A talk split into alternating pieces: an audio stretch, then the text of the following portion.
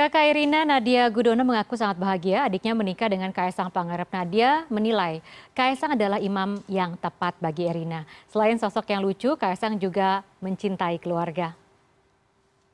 Usai pengajian, kakak kandung Erina, Nadia Gudono mengungkapkan kebahagiaannya menyambut pernikahan Erina dan Kaisang Pangarep.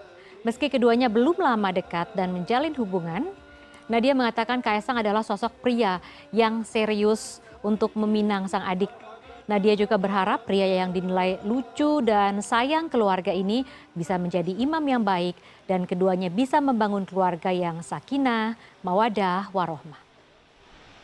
Paring pambiantu datang Ya kami berharap sih uh, Adi dan Mas Kaisang uh, jadi keluarga yang sakinah mawadah warohmah, baik sampai akhir hayat nanti sebagai teman hidup juga